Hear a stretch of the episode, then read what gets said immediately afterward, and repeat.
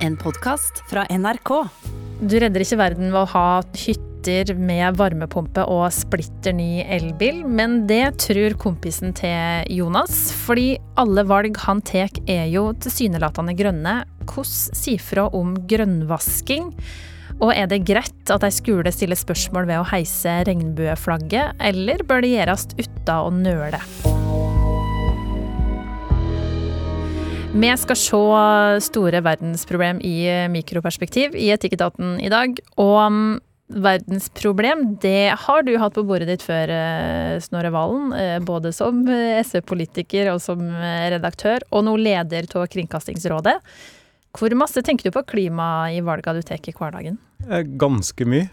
Jeg, jeg tenker jo på klima veldig mye, må jeg innrømme. da. Hvor ofrer du? Eh, Jeg flyr veldig mye mindre enn før. Uh, og så er jeg jeg, jeg tror det er seks år siden sist jeg var på noen sånn utenlandsferie av noe slag. Mm. Um, pleier å være i Norge. Men uh, jeg tror likevel at jeg er ganske langt unna å være noen mønsterborger, altså, på klimafronten. Mm. Mm. En prøve. Ja, uh, jeg gjør det. Mm. Jeg har ikke lappen, eksempel, så jeg kjører jo ikke bil. Og det gjør jo litt forskjell, tror jeg. Ja, se der. Ja. Mm. Eh, presten i panelet, Silje Meisal fra Sverresborg menighet i Trondheim. Hvor grønn er din hverdag? Skulle nok ønske den var grønnere, men jeg tror eh, at eh, Jeg har jo små barn og en jobb hvor jeg plutselig må være på andre siden av byen og sånn, så i helt den hverdagsbobla så tror jeg at eh, de aller riktigste valgene skaper dessverre for mye friksjon.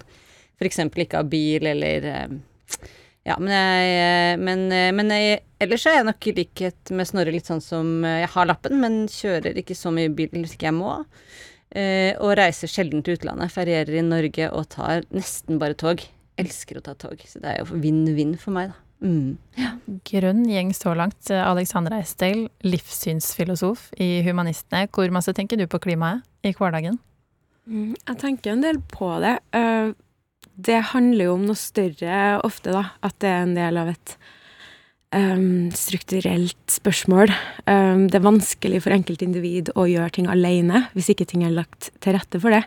Sånne ting tenker jeg litt på, da. Um, hvor blir det egentlig av den plasten, eller altså se ting i litt sånn større sammenheng, da.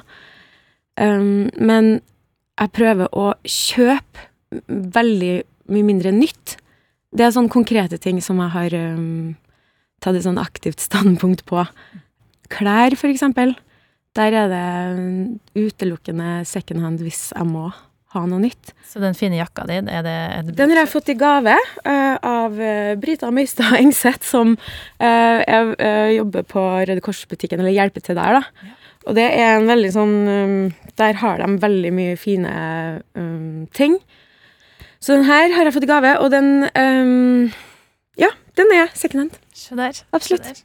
Em, vi skal jo også da uh, bore litt i livssynet deres her i Tikketaten. Det bruker man å gjøre for å bli litt mer kjent med dere. Alexandra, uh, du har vært der før. Um, har livssynet ditt forandra seg opp gjennom åra? Ja, det har det. Jeg, øh, fra veldig tidlig alder så var jeg veldig søkende. Jeg lurte på de store spørsmålene og lurte litt på min, min posisjon oppi det hele. Og fant vel ganske tidlig ut at det var menneskene jeg elska, og at ting som gjorde at mennesker ikke hadde det bra, enten det var tankesett eller ting vi gjorde mot hverandre, det ble jeg jo mer nysgjerrig på, da. Um, så jeg har jo på en måte vært innom hele runden med å utforske religiøse spørsmål eh, og religion, og eh, det er kanskje noen vil kalle spirituelle ting. Uh, funnet ut at eh, ingen av dem var for meg, fordi det var ofte veldig sånn ferdig eh, oppsatte måter å tenke på. Og da um, var det jo veldig flott for meg å finne filosofi, da. For i filosofi så er det rom for å spørre eh, og tenke på veldig, veldig mange ulike måter. Og, men altså, det er jo på en måte en prosess som ikke er ferdig ennå, da. Er Fortsatt i eh, Altså, livssynet påvirkes jo av alt man gjør, og dem man møter, og Samtidig som at jeg har kanskje konkludert med at det finnes ting som er objektivt sant, da. Det finnes ting som er mer rett enn andre ting, og, mer, og bedre da, enn andre ting. Og det er jo kanskje nytt, sånn av de siste fem årene. Silje, hvordan er det med det? Har du ombestemt det? Nei. Det har jeg nok ikke, men det har jo vært en reise som man stadig er på allikevel. Eh, men jeg er jo vokst opp eh, liksom døpt eh, sånn vanlig norsk. Eh, hvis det er kanskje ikke så lett å si det lenger, men det hender jeg sier det når jeg spør f.eks. dåpsfamilier sånn om bakgrunnen og sånn, så begynner de å famle litt. Så jeg sånn, er det sånn vanlig norsk? Sånn døpt, konfirmert? Ja, ja, ja. ja. Så jeg vokste litt opp sånn, da. Vanlig norsk, gikk i speideren i kirka sånn og døpt og eh, Men så da jeg var i tenårene, så kom TenSing til Hamarøy, der jeg bodde da.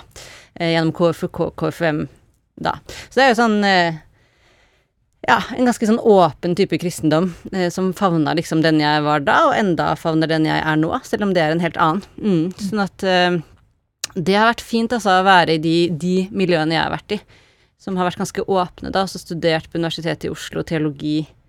Eh, der står det jo over døra, det er den gamle jernbaneskolen på Blindern. Eh, som Teologisk fakultet ligger i nå, og der sto det jo Jernbaneskolen over eh, døra. Men når Teologisk fakultet flyttet inn der, så eh, tok de bare noen av bokstavene og sang de O skjebne eh, over. Så de byttet om bokstavene, da. Så det handler Altså, man går inn der, døra, og så tenker man mm, Ja, jeg er, jo litt, jeg er jo litt kristen, eller jeg er litt interessert i teologi og filosofi, eller Og så noen år senere så bare kommer du ut, og så er du prest? det var litt sånn det var for meg, da. At jeg var sånn, hva, skjedde nå? Så meg litt tilbake og tenkte sånn Jeg skulle jo bli musikklærer. Eller kirurg. Hva skjedde? Jeg kom ikke inn en dør, kom ut igjen som prest. Ja. Godt fornøyd med at skjebnen, eller hva det var, gjorde det, da. Ja. Mm. Nå står du for å være presten? Ja, står gjerne for å være presten. Stolt av det, og glad for det. Mm. Snorre, har du endra livssyn opp igjennom? Nei, men jeg har ombestemt meg. Uh, mest i, i uh, holdninga mi til religion, tror jeg. jeg. jeg. har aldri vært troende sjøl, men jeg har jo vært i veldig mange kirker og deltatt i veldig mange gudstjenester. For jeg sang i kor i mange, mange år. Mm. Uh, I Nidarosdomens Uh, så jeg har alltid vært ganske sånn tett på kirka. så det jeg kanskje har endra meg syn på, det debatten om religionens plass i samfunnet. Altså jeg jeg syns ofte at mange av mine trosfeller, om du kan kalle det det, har en ganske sånn smal forståelse av hva et sekulært samfunn er. Eh, veldig opptatt av at religion ikke skal ta plass. Og det kjenner jeg meg ikke helt igjen i. Så jeg har et veldig sånn avslappa forhold til synlig, tilstedeværende tro. Um, er det noen kamper som ligger under der og murrer, som du har lyst til å ta? Nei, men jeg, jeg tror kanskje altså Vi snakka om Kringkastingsrådet i stad, og der er jo en gjenganger at det kommer inn reaksjoner på at eh, det er mindre, eh, mindre kirkeinnhold enn før, eller mindre forkynning, eller at kristendommen får mindre plass. Og, det, og jeg, jeg syns det er en interessant problemstilling, for jeg tror at det som, eh, det som for bare 10-20 år siden var liksom vanlig norsk, da, som du sa. Jeg tror mange av de som før opplevde at de sto midt i en sånn slags norsk mainstream, er døpt og konfirmert, og du går i kirka innimellom og sånn, jeg tror mange av de nå føler seg mer marginalisert og mer utsatt, eller mer som en minoritet, som det jo i mange tilfeller er. Uh, og Det betyr at jeg også syns vi bør møte religion på en litt annen måte enn i de, liksom, de hardeste kampene på 80- og 90-tallet da og det, og det, husker jeg fra jeg var liten sjøl òg. Det var meg og to særinger til som ikke var med i gudstjenesten før påska og sånn. Og der er vi ikke helt lenger, da. Og det gjør at jeg, jeg har blitt mye mindre sånn her hissig ateist, har jeg, enn jeg var. Det er jo, jeg syns jo det er veldig interessant. Uh, og det er jo litt uh, Altså, jeg jobber jo for Humanistene, uh, og vi er jo veldig sånn opptatt av at, at det skal være rom for religiøse uttrykk.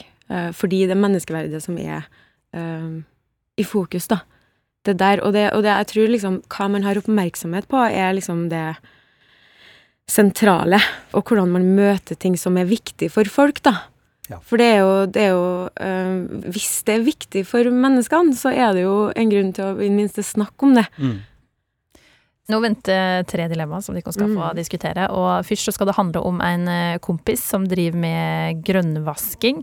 Og hvis øh, du som hører på har et dilemma i hverdagen din som du vil ha Etikketaten sine tanker rundt, så må du gjerne sende til oss på e-post. Adressa vår det er etikketaten krøllalfa nrk.no.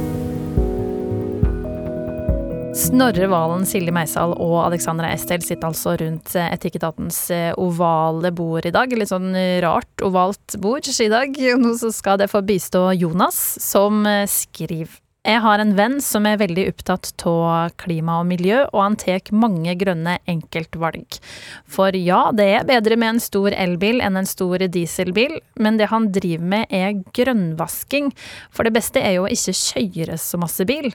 Det her er en mann med god råd. Han handla rett nok bærekraftige klær av god kvalitet, men klesbudsjettet er høyt. Begge hyttene har solcellepanel og varmepumpe, men om alle hadde levd som denne vennen, så hadde kloden knela.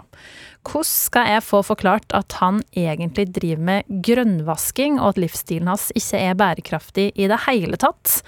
Helsing Jonas. Hva, hva er grønnvasking, tenker du, Snorre? Um, grønnvasking er jo Altså, jeg assosierer det som regel mer med svære selskap, da, kanskje, enn enkeltpersoner. Altså det å pakke inn virksomheten sin, eller det du gjør i um, Du skaper et inntrykk av at det er mer miljø- og klimavennlig enn det egentlig er. Um, det han beskriver, er jo mer et samfunnsproblem, som Alexander var inne på i stad òg. Altså, uh, hvis uh, han her omtalte kompisen driver grønnvasking, så er det veldig mange som gjør det. Mm. Men det er nå sånn det er lagt opp til at vi skal leve òg, spesielt hvis hvis han har ganske god råd, så kan man jo spørre seg trenger man å ha to hytter, men, men jeg tror veldig mange vil kjenne seg igjen i akkurat det der. da. Og da tror jeg vel kanskje ansvaret ligger mer på oss som fellesskap og som velgere, og på politikerne, i å legge til rette for en økonomi der ja, mer av det vi bruker penger på, er opplevelser, f.eks., og ikke varer og ting. Der tror jeg vi har en veldig lang vei å gå. Men det å overtale én og én til at ditt liv er grønnvasking, så du må velge bort det her og det her. Det kan kanskje funke på noen, men jeg tror det er en ganske, det tror jeg er en ganske tung jobb, da. Men du som har eh, kutta ned på flyreiser f.eks., blir du ikke frustrert når du ser at uh, venner og familie farter rundt i fly? Nei. Jeg, nei, og det er fordi jeg fortsatt flyr såpass ofte i forbindelse med jobb at jeg er liksom ikke i noen posisjon til å stille meg på noe pidestall og felle noe dom, mm. for å være helt ærlig. Ehm, men jeg kjenner mye på ubehaget det innebærer, da, og veldig mye mer etter at jeg fikk barn òg. Da, da, da, gikk jo liksom klima for min del fra å være en sak som jeg var politisk opptatt av, til å bli litt mer eksistensiell. For det, nå handler det om at når hun en dag blir gammel, så lever hun i en verden som er helt grunnleggende forandra. Pga. måten hun lever på i dag. Hva tenker du, Silje? Er det grønnvasking kompisen til Jonas holder på med? Jeg vet ikke. Og så lurer jeg på hvorfor um, Hvis jeg kunne spurt Jonas, da, så ville jeg spurt hvorfor vil du snakke med kompisen din om dette? Altså, hva vil han oppnå? Vil han oppnå en eh, forandring da, i vaner og livsstil? Eh, det kan jo hende Altså, eh, det er ikke så lenge siden jeg kjøpte meg en stor dyr elbil, eh, og var riktig stolt av den. eh, også, men, men og et husker jo at det kom jo den derre eh, Ja, disse batteriene som produseres der og der og ikke kan gjenvinnes, eller de gruvene de må inn i for å hente de stoffene og eh, Så husker jeg at jeg ble jo bare provosert. Eh, så det førte jo ikke til noen endring. Jeg hadde jo stadig den samme elbilen. Så jeg tror Jeg vet ikke helt hva Jonas vil oppnå, da. Det ville jeg nok stilt han det spørsmålet hvis jeg kunne. Eh, men jeg tror som Snorre sier det her med det som forandrer seg fra å være som du sa, fra politisk til eksistensielt, så tror jeg der, det eksistensielle er ofte fylt med følelser, ikke sant. Mm. Og jeg tror at hvis du skal nå inn til noen, så kan du ikke bare bruke informasjon og på en måte eh, legge på bordet masse informasjon om at det du gjør er feil, men du må nå inn med en, med en følelse, da. Og her kommer mitt yrke igjen inn med misjonering, da, på en måte, hvor du må, du må jo vekke noe i noen for å nå inn til noen. Så kan du ikke bare liksom slenge fakta i ansiktet på dem, men du må Jeg tror hvis Jonas vil oppnå en endring, hvis det er det han vil, da, så må han kanskje misjonere litt, da. Og i det mener, med det mener jeg på en måte å, å snakke sammen om det eksistensielle i det, da. Eller sånn som barn som ser hvaler fulle av plast, ikke sant. Det er noe annet enn å bare sitte med fakta. Mm. Det blir jeg også veldig berørt av. Mm. Ja. ja, for det virker jo som det er en kompis som egentlig er opptatt av klima og miljø, men kanskje ja. han ikke helt har eh, forstått hvordan han kan bidra eh, på et vis. At, han, at, Jonas har lyst til å liksom gi han litt kunnskap. Ja, og det kjenner jeg meg jo igjen i, for jeg blir jo helt sånn Man kan jo bli helt apatisk, fordi jeg syns jo uansett, når jeg skulle kjøpe den bilen, da Vi hadde en nedslitt Subaru som helt åpenbart måtte byttes ut. Eh, hva er det beste valget da? Altså, jeg, jeg, jeg, gjorde et så godt valg jeg kunne, Men for noen var det feil eh, allikevel. På en måte Jeg kunne kjøpt en brukt elbil, en brukt dieselbil, en brukt bensinbil, og, og måtte bytte den stadig oftere ut, fordi det Jeg vet ikke. Så man kan jo bli helt sånn eh, Ja, miste lysten til å, å, bli med inn i det, da, når man Hvis man i tillegg får kjeft, da, og får vite at det er feil i valgene du gjør. Så som du sier, det kan hende han har gjort så godt han kunne, han kompisen. Mm. Men når man må ha to hytter, da, det vet jeg ikke heller. Det var det, da. Eh, Alexandra, sier du fra til folk som tror de tar klimavennlige valg, men som tråkker feil? Ja, det kommer veldig an på. Mm. Det var litt sånn for noen år siden da vi fikk vite at Kina ikke skulle ta imot noe mer plast fra Europa. Så var det litt sånn hæ, er det Kina som eh, fikser plasten vår? Det visste jeg ikke. Eh, det er veldig vanskelig å få tilgang eller uh, vite alle nivåene av hva som skjer. Uh, og på grunn av det så tror jeg det gjør at vi ikke sier fra til hverandre. Uh, så han uh, Jeg tenker Jonas I hans tilfelle, da, så høres det jo ut som at han holder sin venn litt mer ansvarlig fordi kanskje vennen er ressurssterk. For han henviser jo til de her uh, tingene som han kjøper, og de, den store bilen og hyttene og mm. um, Og det hadde kanskje vært nyttig for Jonas spesielt å kanskje Kanskje engasjere seg politisk, for eksempel. Eh, eller um, Jeg tenker, vennen har jo tydeligvis en slags vilje. Og det hadde jo vært interessant å høre hvorfor Jonas mener at det er grønnvasking. Um, men jeg ser for meg at han kunne for eksempel ha sagt ting som Å, jeg har kjøpt denne T-skjorta, men den er bærekraftig. Mm. Ikke sant? Eller den er produsert bærekraftig hvis, hvis den T-skjorta ikke var veldig nødvendig, så er det jo ikke bærekraftig uansett. Så um, det er kanskje det Jonas tenker på, da, at, at er egentlig alt det her nødvendig? Men kan en da stille spørsmål, da, når kompisen viser den her uh, T-skjorta med et eller annet sånn grønt merke på? Hvor, hvor, hvor, bærekraftig er det egentlig, tror du? Ja, det er en måte å møte det på. Absolutt, og, og kanskje, kanskje til og med spør hva tenker du er bærekraft? Kanskje, kanskje de kan utfordre hverandre litt, da. På hvordan de definerer ting, på hva det vil si å være miljøvennlig, og hvorfor det er viktig. Og da er vi tilbake til det uh, Silje uh, nevnte, og Snorre nevnte om det eksistensielle. Men så er det jo det her rammeverket, ikke sant, som vi sier at ok, individet får bestemme sjøl, uh, eh, samtidig som at ansvaret ligger på individet, samtidig som at vi ikke kan gjøre så mye. Så det er jo, helt, det er jo egentlig et sånn her nyliberalistisk paradoks. Fordi vi, vi, har muligheten til å velge så mye, men uh, det er veldig gitt da, i, viss, i, et visst rammeverk hva vi kan velge. Vi kan ikke velge utenfor rammeverket, som kanskje hadde vært det beste, hvis vi hadde tenkt på miljøet og naturen. Så um, det er fortsatt veldig sånn Når vi snakker om altså, miljø, så er det veldig Det dukker opp det her med antroposen, da, at mennesket blir satt i sentrum. Men jeg tenker at nå er det på tide at vi snur det, da. At mennesket er det som tar ansvar. At vi kan ikke tenke på mennesket uten å tenke på ordet ansvar. Og det er jo kanskje no også uh, noe de kan snakke om. Hva vil det si å ta ansvar for sine egne handlinger, og også for uh, miljø, klima og natur, da? Ja, for det er jo opp til enkeltmennesket også, ikke, ikke bare politikerne, eh, Snorre, men hvem har, eh, hvem har liksom rett til å kritisere?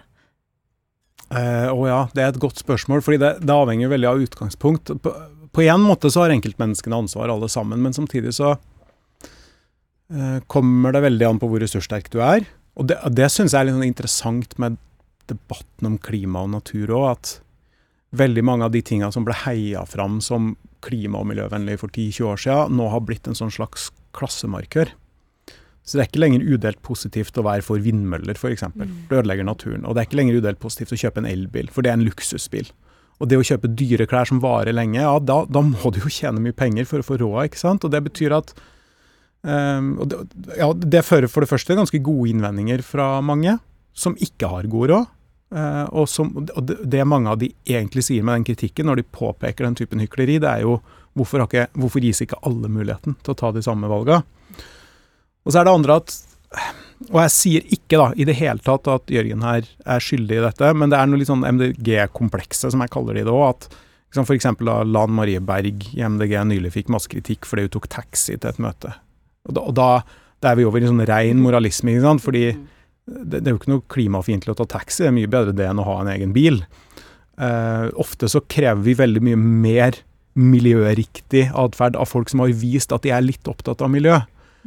Uh, og jeg syns det er interessant, da, fordi han kompisen vi snakker om her, han har ikke kjøpt et nytt digert dieseldrog og varmer opp hytta med gass og kjøper bare superbillige T-skjorter han kaster etter to uker. Han prøver jo, og det er jo de minste bedre.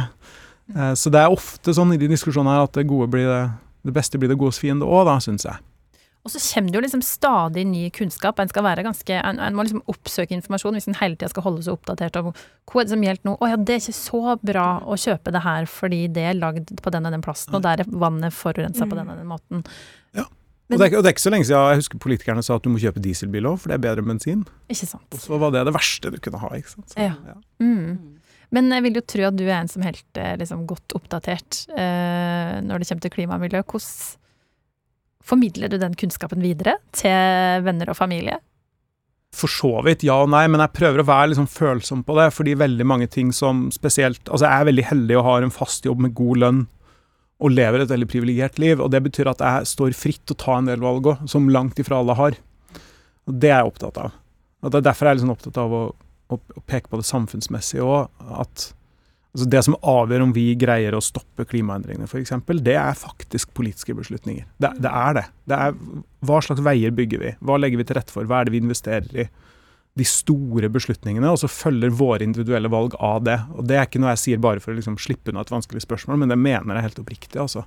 Og så teller våre individuelle valg masse oppi det, men da syns jeg vi når vi da konfronterer hverandre, så må vi være bevisst på at folk har ulik mulighet da, til å ta de klimariktige valgene, dessverre.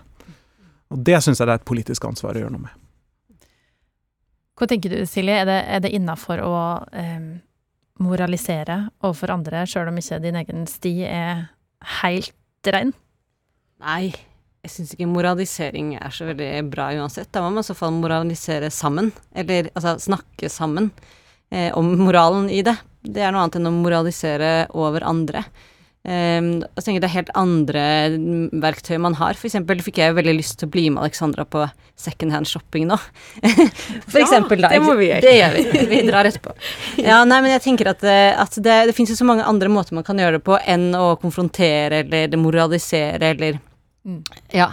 Eh, eh, en følelse av å dra i lag. Jeg elsker jo sånn derre eh, Sånn derre Rusken-aksjonen Mm. Som dere holdt på med det når dere var liten. Jeg har et klistremerke på en sekk. Ja. Altså sånne ting, da. Mm. Hvordan lærer vi eh, de, de som kommer etter oss eh, Det er faktisk viktig hvordan vi oppfører oss når vi er ute på sjøen om sommeren i forhold til hvor mye plast plass som havner i havet. Det er, ikke, det er, det er i storindustrien, men det er også oss, da. Så tenker jeg sånn, det fins jo så mange fellesskapsbyggende måter å snakke om miljø på. Mm. Eh, det, det syns jeg er fint. Mm. Prøve å trekke til seg den pekefingeren som ofte kommer ut når en ja. snakker om klima og miljø, for det er fort å bli litt sånn eh, streng.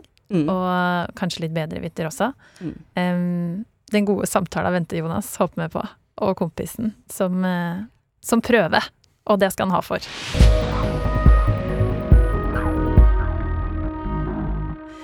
Um, nå skal det få lov til å gå løs på det andre dilemmaet her i Etikketaten i dag. Gjengen som sitter her og diskuterer etiske dilemmaer fra hverdagen, er altså Snorre Valen, mannen som leder Kringkastingsrådet.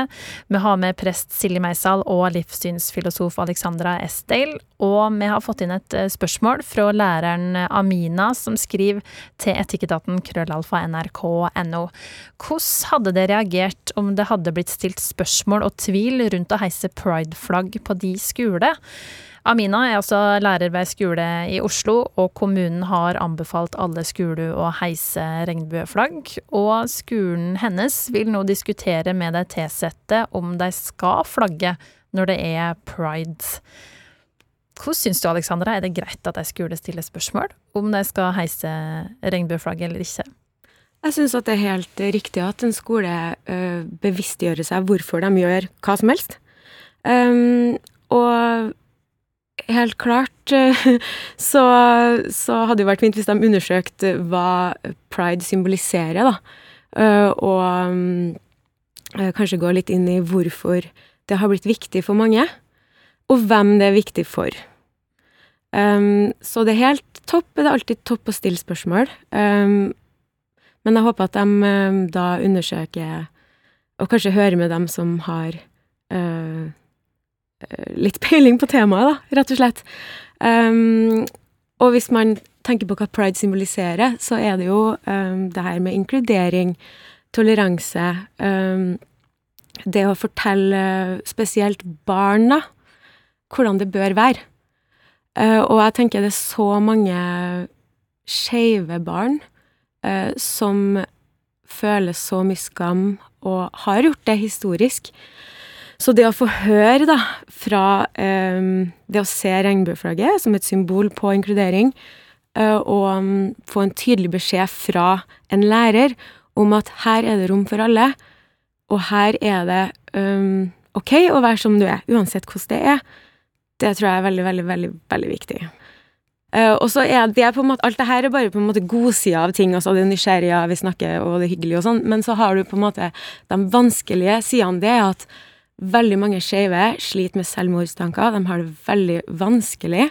Um, det er veldig mange transpersoner som sliter veldig mye. Da skulle det bare mangle at vi som på en måte har det Ikke har det sånn, da. Hører på dem og sier at vet du hva, vi skal være på deres side, vi skal uh, støtte dere, og vi skal stille opp, da. Hva tenker du, Snorre? Hvilket signal sender det å, å nøle på om en skal henge opp regnbueflagg eller ikke? Det, det, spørs jo helt på hva slags diskusjon det er, da, tenker jeg. Um, og um, man trenger ikke liksom ha en debatt foran ungene på en barneskole, for å si det sånn, men jeg syns det er helt naturlig og veldig fint det, om lærerne har en egen diskusjon om det, og, og bevisstgjør seg, som Alexandra er inne på. Um, og så er det litt krevende å være lærer òg i sånne her diskusjoner, tror jeg, fordi skolen er jo ikke bare lærernes. altså Det er jo en på, på, et vis tilhører den hele lokalsamfunnet. ikke sant? Foreldrene har jo like sterk mening, de, vil jeg tro, om hva som er rett av skolen å gjøre, som det lærerne har. Mange av elevene har sikkert en mening. Og så er det òg litt komplisert, fordi på den ene sida så tror jeg jeg hadde et veldig lite avklart forhold til min egen seksualitet eller legning da jeg var 8, 9, 10, 11 år og gikk på barneskolen, liksom. Eh, men rommet for den tvilen òg, da, har heller ikke alltid vært en selvfølge. ikke sant? Så bare det å vise at mangfold er uproblematisk, er en veldig lettelse, tror jeg, for veldig mange ungdommer, og også barn, ganske godt ned i åra. Um, men jeg syns ikke skolen skal være redd for å ha en diskusjon, nei.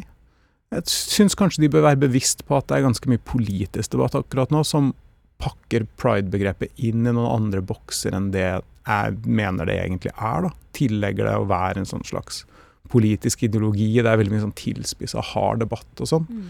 Som jeg ikke syns hører hjemme naturlig i en diskusjon om man skal heise et flagg på en skole eller ikke. Man må liksom ta stilling til det uh, pride faktisk står for. Uh, gjerne snakke med arrangørene lokalt. Mm. Det virker som på Amina at de fleste skolen de eh, heiser flagget uten å ta denne diskusjonen i forkant. Eh, hvordan kan en eh, snakke med elevene om det her, at eh, vi vil faktisk ta en diskusjon i forkant uten at det sender feil signal, Silje? Ja, for du tenker at elevene skal vite om at lærerstaben har denne diskusjonen, da. Mm. Ja.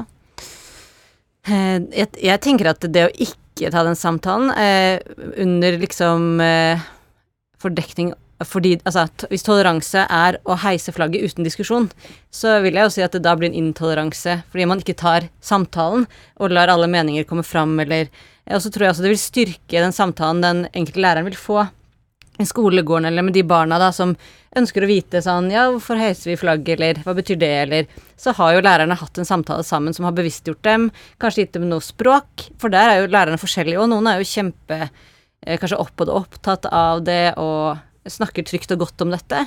Eh, for det blir jo fort en samtale om seksualitet eller legning, da, eller eh, Så jeg tenker at jeg tror en sånn diskusjon eller samtale i en lærerkollega kan være kjempenyttig.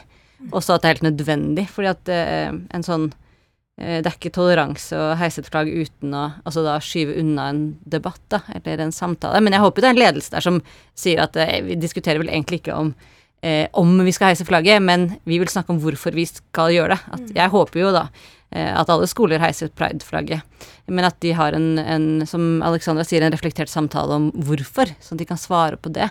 Og jeg spurte datteren min i går, hun er ti år. Hva, jeg tenker Det du Snorre sier om eh, når du var så så gammel, så hadde du ikke så veldig reflektert forhold til egen legning, eller Jeg tror Dette jeg vet jeg jo ikke, men jeg tror barn i yngre og yngre alder nå har et, en bevisst forhold til det. Fordi det er så oppe i media, og vi abonnerer på Aftenposten Junior. altså Jeg tror hun var seks år når hun leste om disse tingene første gang. Og jeg tenker det gjør ingenting, men da må de ha voksne rundt seg som hjelper dem å navigere i, i hva som er de sunne samtalene i dette. Som tør å snakke om det. Og, Ja, mm, og som tør å åpne det rommet og ja, å være med barna inn i den samtalen på barns premisser. Det tror jeg er kjempeviktig. For når jeg spurte datteren min i går hva tenker du hvis skolen din heiser prideflagget, så sa hun hva mener du med hva er et prideflagg? Så jeg nei, jeg mener regnbueflagget. Å ja! Ja, det visste hun hva var. Mm. Ja, nei, da tenker hun at på denne skolen så kan man være om man er forelska i jenter eller gutter, eller begge deler, og også om man ikke helt vet om man er en gutt eller jente sånn inni seg, da. Så det kom sånn Det kom kjempelett eh, ut. Og hun er ti, da. Trenger ikke å være så vanskelig. Nei, det trenger ikke å være så vanskelig. Og det var en letthet over det. Eh, og der, det tror jeg handler om Jeg håper at det handler om at hun har foreldre som har snakka om disse tingene. At hun er i sammenhenger hvor det er lett å snakke om, men også at det er på skolen òg, da. Mm. Bevisste lærere. Mm. Og så er det uh, ganske akkurat ett år siden at det kom en lovendring som sa at en skal kunne heise andre flagg enn det norske uh, på kommunale bygg i forbindelse med arrangement, markeringer og merkedager. Av allmenn interesse, som det står. Eh, så nå har en altså mulighet til å heise regnbueflagget, og det kan jo oppleves som, som nytt og ukjent, uavhengig om en er liksom for og imot, som jeg kan elske og elske den en vil å heise et annet type flagg. Forstår du at folk liksom stiller spørsmål ved å heise flagget utafor skole, altså regnbueflagget? Ja, helt klart. Og så syns jeg Altså I den konkrete diskusjonen der, så syns jeg også en god motforestilling var at du mister etter hvert Eller du mister ikke, men du, du risikerer å miste kontrollen over hva flagging er. Altså sånn helt prinsipielt, hvis du først åpner for flagging av andre ting enn det norske flagget, så må man òg være innforstått med at det kan ende med at man også flagger med ting om ti år som du sjøl er veldig personlig mot eller har problemer med osv. Mm. Men, men jeg tror vi vil se tilbake på de diskusjonene her om 10-20 år med litt sånn samme undring som vi gjør i dag, tilbake til ja, det er jo mindre enn ti år siden òg, at det ikke var lov å ha med prideflagg på Ullevål på landskamp, og Fotballforbundet stilte seg mot det. og, og det, det bare rister vi på hodet av i dag, ikke sant.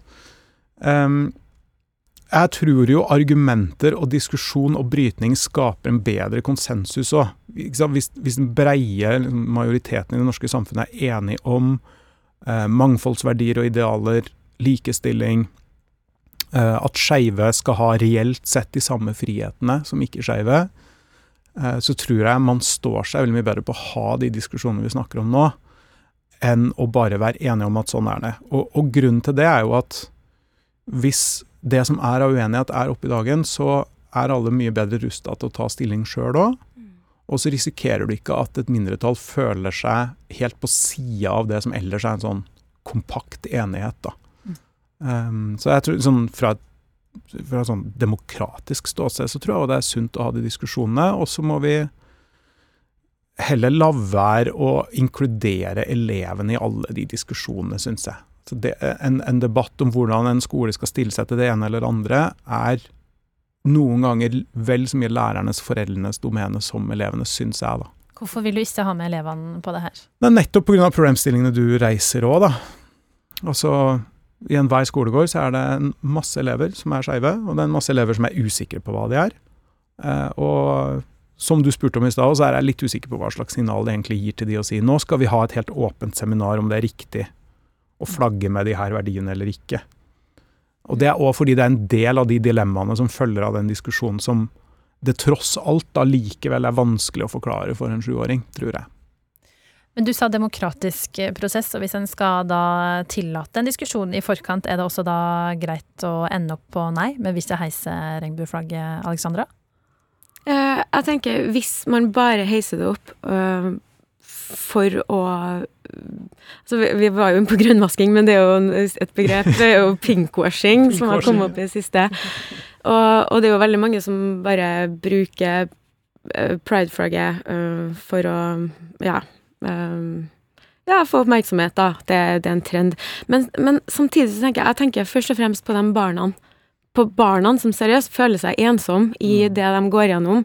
Det betyr ganske mye, altså. Det fellesskapet man, man er en del av. Det å få vite at det fins andre som er mer som meg, det er så viktig. Jeg tenker sånn bare minoriteter, altså Vi snakker om foreldre. Der er jeg veldig uenig i at foreldre skal ha like mye å si, fordi det er ofte de foreldrene som misliker det pride står for, som roper høyest. Og det er dem, de barna som ofte trenger å vite av at det fins inkluderende fellesskap hvor man blir akseptert for den man er. Og så tror jeg det er viktig å huske at sjøl om um, pride er mye oppe i media, vi har mye diskusjoner om det, de aller fleste flagger med pride-flagget, så er altså Man kan fort få inntrykk av at det her er en sånn ferdig, ferdig kamp, da.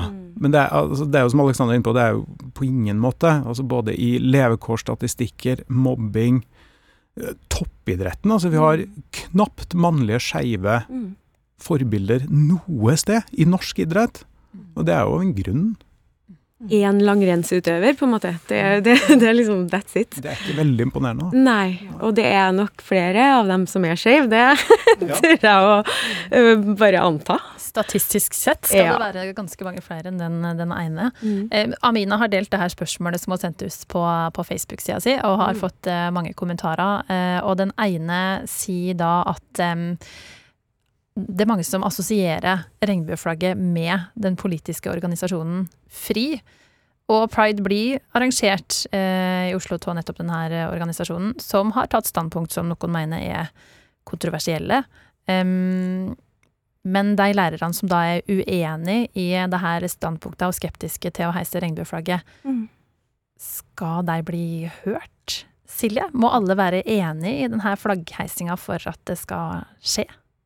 Nei, det var jo som jeg sa i stad, jeg håper jo at det er en ledelse der, en rektor eller hvem det er, som bare bestemmer at dette skal vi gjøre. Men jeg ønsker at vi skal ha en debatt eller en samtale i kollegaet om det, som vi vet. Eh, ja, så, sånn at eh, samtalen kan bli litt opplyst eller sånn. Og så tenker jeg i forhold til det du sier om at eh, pride-flagget assosieres med sånn og sånn, eller regnbueflagget. Altså, Som datteren min som ikke assosierte det med en organisasjon eller Når det er barna vi snakker om, så tenkte jeg det var så herlig å få det svaret hennes. som Hun eh, vet jo ikke om noe nå, nå bor jo ikke vi i Oslo, men eh, hun vet ikke om noe parade eller det, må hun gjerne få vite om. Men jeg tenker at eh, Og det i forhold til det Alexandra sier òg, jeg blir så glad Jeg er jo veldig Jeg er prest, jeg er så utrolig glad i symboler.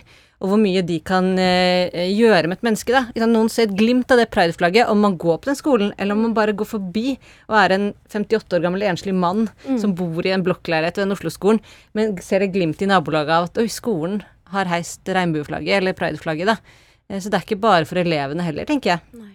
Jeg blir så glad da i symboler, hvor mye de kan gjøre for oss, eh, og det som assosieres med dem, da, og hva det kan gjøre med et menneske å se et symbol som gjør det Alexandra sier, da. At man føler seg akseptert og velkommen og mm. For et fint perspektiv. Mm, virkelig. Det betyr det, bind, det forener jo mennesker. Mm.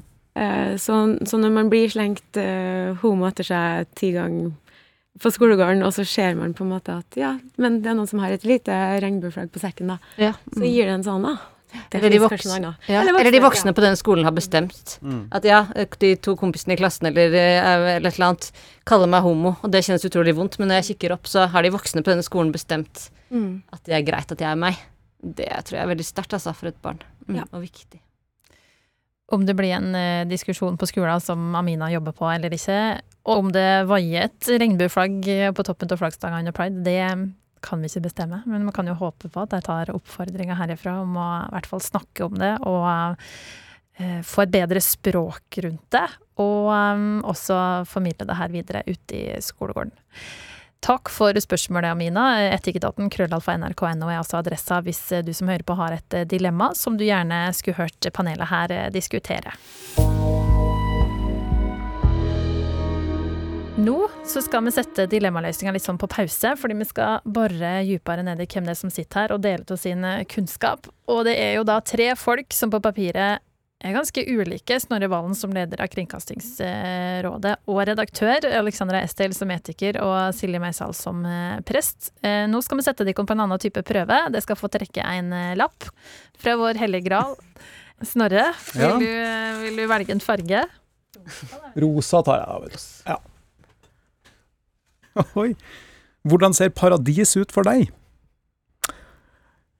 Vet du hva, det tror jeg er ganske likt tegneserieparadis. Det er palmer, og det er strender, og det er skyer, og alt er mykt. Og det er aldri jobb. Jeg er fryktelig glad i å ikke jobbe. Paradis for meg er evig ferie. Jeg hadde aldri kjeda meg. Jeg kunne hatt fri i 80 år og kosa meg. Men en, en uendelig, da? Hadde vært gøy med to millioner år med fri. Ja. Hadde det? Ja. Fordi fri betyr ikke å ikke gjøre noe. På den stranda, eller ja, da hadde jeg ikke vært nødt til å være på stranda. Du kunne skrevet, du kunne lest, du kunne snakke med folk, du kunne utforska, du kunne fulgt med på hva andre gjør. Ja. Men du kunne jo valgt en jobbhverdag som var mindre stressende enn det du har. Hvorfor tror du likevel du liksom har søkt nye utfordringer? ja, det er et godt spørsmål. Um, jeg tror jo jeg, um, Alexandra snakka om sånne nyliberalistiske paradoks da, tidligere. og Det syns jeg var et veldig bra begrep. Og jeg tror et av de paradoksene vi lever i i dag, er det derre insisteringa vi møtes med fra vi er veldig små, om at du, du skal kose deg i jobben. Og du skal være lykkelig i jobben. Og, og på en måte er det veldig bra. Og mange er så heldige å ha en jobb som de trives i, og som gir dem masse. Men langt ifra alle har det.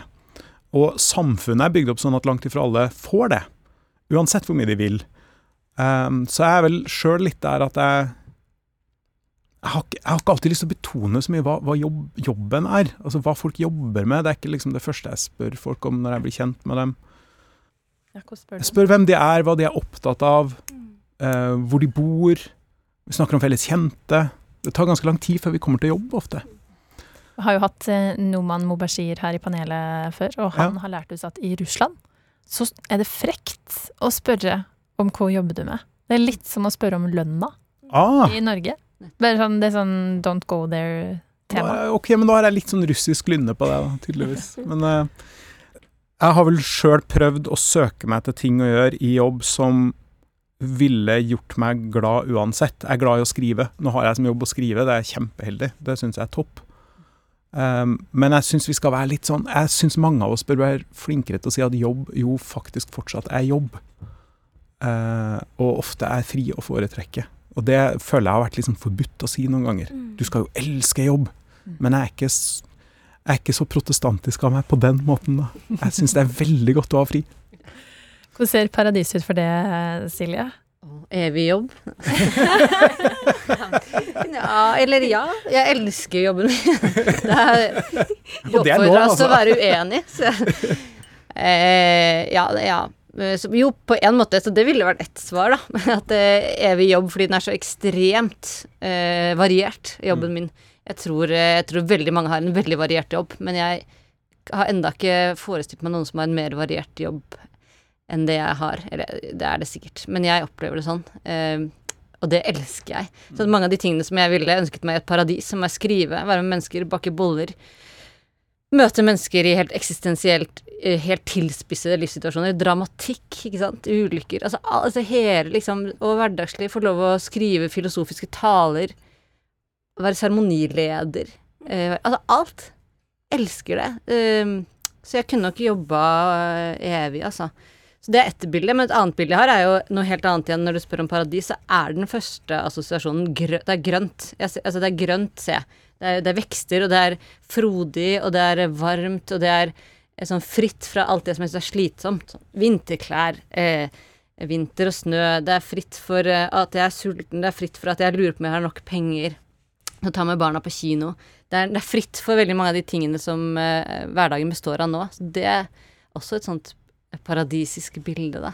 Mm. Eh, Pride-flagg overalt. Nei da. Men altså, jo, sånne type Den følelsen, da, på en måte, av aksept og trygghet. Det er paradis for meg, når jeg føler meg helt trygg.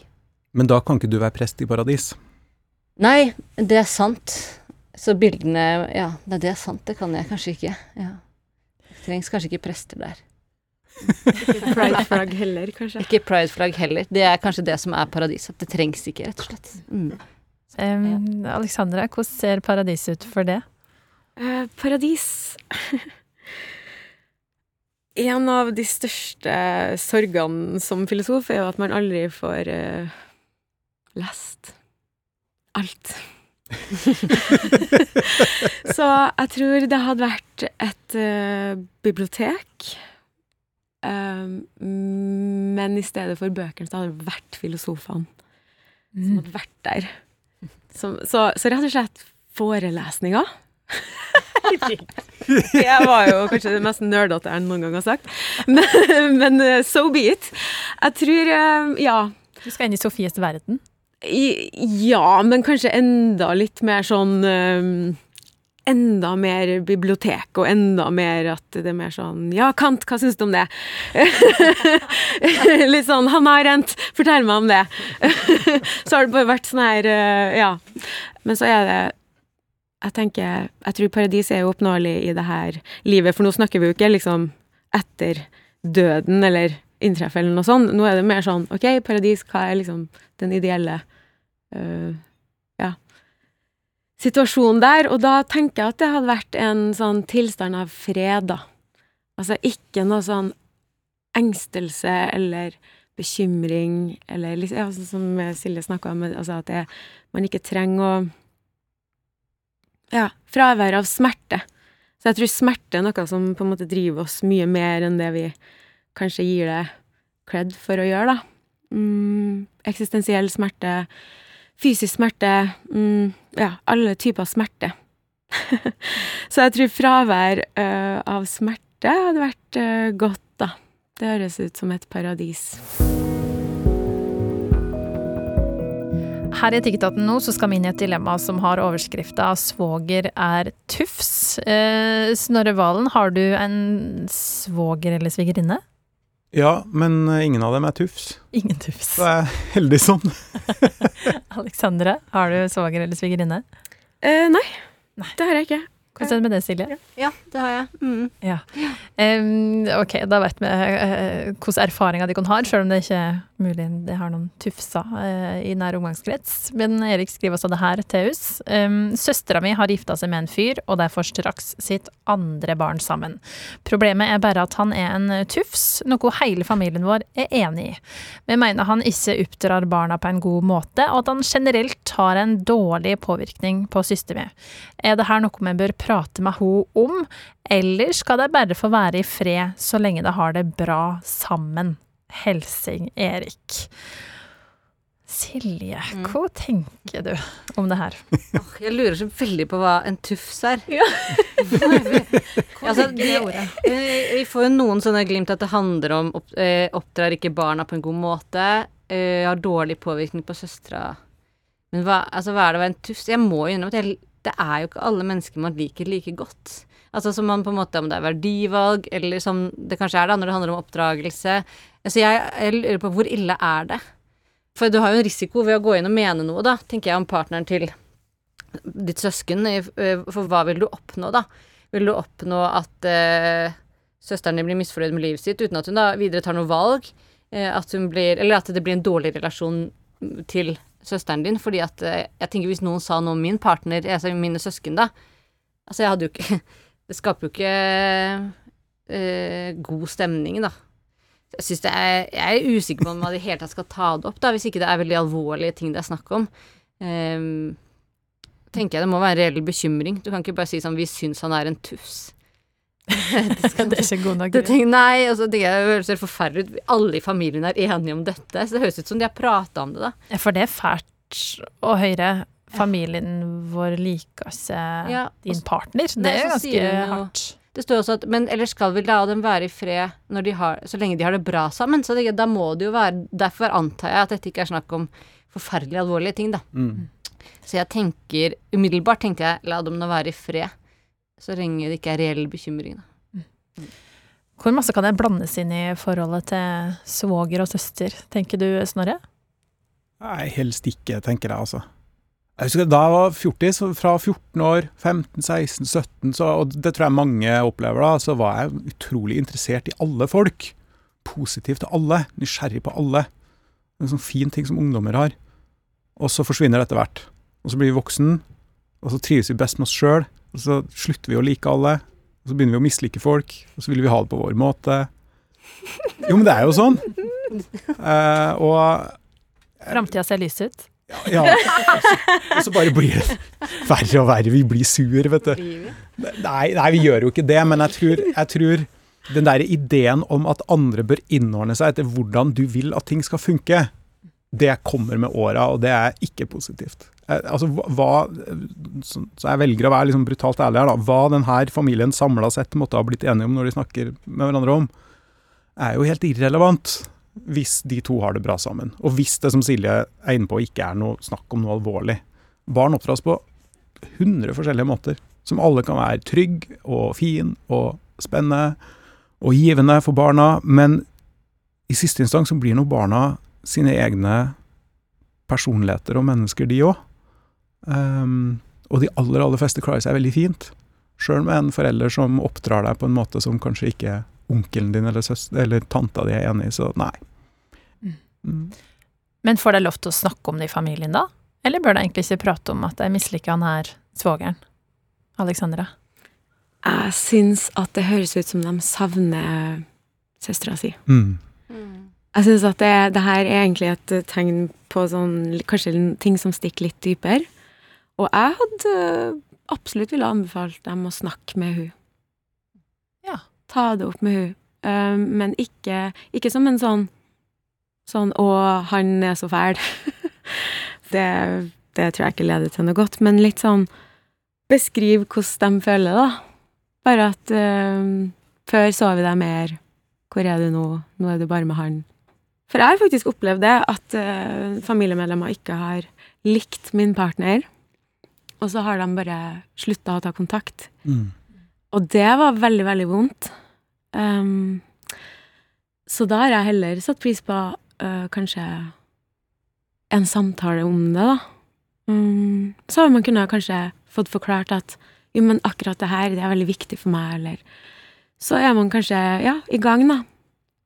For det er jo, jeg er jo helt enig med Silje at man trenger jo ikke å like alle. Det er helt greit. Og det er jo sånn som Snurre sier, at oppdragelse kan gjøres på veldig mange måter. Men akkurat den relasjonen, da. Det er veldig synd på den søstera om hun skal på en måte miste hele familien. Bare fordi at de ikke gidder å være ærlige om hva de syns, eller det krever jo litt mot, da, at man må ta det opp. Uh, og heller kanskje i hvert fall ha hun i loopen. sånn at hun ikke føler at 'oi, nå er alle sammen borte'. Men hvorfor det? Mm. Og så har på en måte de mista en søster, og søstera har mista et nettverk, og kanskje barna har mista besteforeldre. Altså, hvem vet? Det er litt sånn her Så um, da er det kanskje bedre å ta en liten uh, samtale, og prøve, i hvert fall. Det høres ikke ut som de kan miste så veldig mye, eller tape så veldig mye på det. Om det ikke blir veldig sånn uh, Altså, så lenge de aksepterer at de er sammen, da. Mm. Det må jo være søstera sitt valg. For, det må jo være en for da må de jo være åpne for hennes fortelling og perspektiv, da. Absolutt. Hva er det som gjør henne mm. lykkelig med han? Ja. Hva... ja kanskje de lærer noe. Ja. at det er et eller annet der, da. For du sa la det ligge, Silje, men er du litt åpen for å ta en samtale likevel? Ja, jeg, kanskje det. Ja, kanskje det. Og så, ja, mm, ja mm, det er fint å høre på Alexandra. Og, og du er overbevisende. Eh, men, eh, også, men, også, at man ikke sier sånn Vi i familien har hatt familieråd, vi syns Gunnar er tufs. Det er jo en dårlig inngang, sant. At kanskje én, kanskje den søster, andre søsteren som er nærmest, eller den innsenderen her, mm. tar en eh, i en litt casual eh, passe, men, men, sånn at man forstår at her er det noe som jeg har lurt litt på kjent litt på. Ta sitt mm. eget perspektiv i det. Jeg, som du sier, jeg savner deg, eller vi pleide å trene så mye sammen før, nå har han så dårlig påvirkning og spiser dere bare potetgull og sitter i sofaen, eller altså, hva er film det? Hele tida. film hele tida. Mm. Det syns jeg er veldig herlig, da. Men øh, jeg tenker, hva, ja, hva handler det om, da? Og hva handler det om for den som har sendt inn dette? Det er jo, tror jeg, en veldig god inngang, istedenfor å si mm. vi er enige om at han er en tufs. Men, men, det får meg til å tenke, da, er det en kan det være en mulighet for at det egentlig er mer alvorlig enn det som framkommer i spørsmålet? Mm. Fordi de, sånn de, Kanskje egentlig, fordi de aller fleste Du er ganske sånn pakka inn i bomull hvis du går gjennom et helt liv uten å måtte forholde deg til kolleger og venner og familiemedlemmer du ikke liker så godt. Det har vi jo alle trening i. Mm. Så, så, kanskje det egentlig er litt mer dramatisk, da. Mm. Mm. Men det er viktig at ikke den eh, Det at du misliker svogeren din, gjør at du skyver søsken Nei, nettopp. Det er nettopp det. Og så er det jo noe helt annet da om det er noe skadelig, eller Mm. eh, vold, eller altså det, Men det har jo Silje vært inne på. Det, da blir det noe helt annet, tenker jeg. Mm. Men jeg får en tanke også om hvis jeg ser at en av brødrene mine er sammen med noen som gjør at de blir mindre seg sjøl, eller at de, det knyter seg i dem, eller at de korrigerer på en måte hvem de er, eh, at de må tilpasse seg veldig mye til den andre, da, da, da får jeg jo vondt i meg. Så jeg er enig med deg at nei, det har ikke jeg noe med, men jeg, det, altså, det er ikke sikkert jeg hadde gjort noe med det. Men det, men det hadde gjort vondt å se på. Mm. Eh, hvis jeg så at de var sammen med noen som eh, ja, gjorde at de ikke kunne være seg sjøl, eller at de ikke fikk anerkjennelse, ikke følte seg Altså, jeg kjenner jo hvor, hvor utrolig viktig det er at de som er aller nærmest meg, gjør Hvor jeg som skuldrene kan komme helt ned, jeg kan være helt meg sjøl, jeg kan tabbe meg ut, så er det greit. Og så at det rommet er så svært, da. Det er så viktig, den tryggheten. Og hvis jeg ser at en av brødrene mine med sin aller nærmeste ikke er i et sånt rom, selv om det ikke handler om vold eller sånne veldig alvorlige ting, så er det veldig alvorlig allikevel. Så ja, jo mer vi snakker, så blir jeg litt usikker på hva som hadde vært rett, da. Men hvem tar du det opp med da? Når du sant. ser noe som du ikke liker? Kanskje jeg faktisk hadde Jeg har godt forhold til foreldrene mine. At jeg kunne sagt sånn Jeg går med en følelse at det og det Altså, jeg observerer, så kunne jeg blitt korrigert på det, eller jeg kunne fått en bekreftelse, og så Og det tenker jeg ikke nødvendigvis er å baksnakke. Det er å sjekke, sjekke ut mine antakelser med noen som jeg stoler veldig på, da. Som vi ofte, ja, ofte ja, stoler på dem. Mm. Eller søke et utafra-blikk, da. Felles Ja. venner, f.eks. Folk som ikke Ja. har et familiebånd, og som Det går også. Ja, Mm. Ville det stussa på det her, eller Ja. det som er helt Ja. mm. Mm. Ja. Og så er det noe med de settingene en ser en svoger i også, da, f.eks. barneoppdragelse. Det er ikke sikkert at det er representativt for sånn han er. En endres jo litt i et rom med storfamilien, Mm. antageligvis. ja, Hvis bare sånne svære familieselskap liksom er malen. Ja, Ja. ikke sant? Når man ikke trives i sånne store selskaper som Snorre gjør, så kanskje man ikke måle Snorre etter hvordan han oppfører seg på meg. Ja, Men jeg går ikke rundt og er sur, da, tror jeg. Det, Det var altså dagens dilemma, behandla her i Etikketaten. Og de som eh, var her, håndplukka til jobben, det var livssynsfilosof og rådgiver i Humanistene Alexandra Estel, prest i Sverresborg menighet Silje Meisal og leder for Kringkastingsrådet og redaktør for Trønderdebatt, Snorre Valen. Neste uke så er det nye dilemma og nye folk her i etaten, så hvis du som hører på sitter på et dilemma som du gjerne skulle hørt andre sine tanker rundt, så send det gjerne til oss på e-post. Adressa det er etikketaten krøllalfa nrk.no. Og hvis du vil høre mer, så finner du flere episoder som podkast i appen NRK Radio. Jeg heter Kjersti Anderdal Bakken, og med høyrest. Du har hørt en podkast fra NRK. Hør flere podkaster og din NRK-kanal i appen NRK Radio.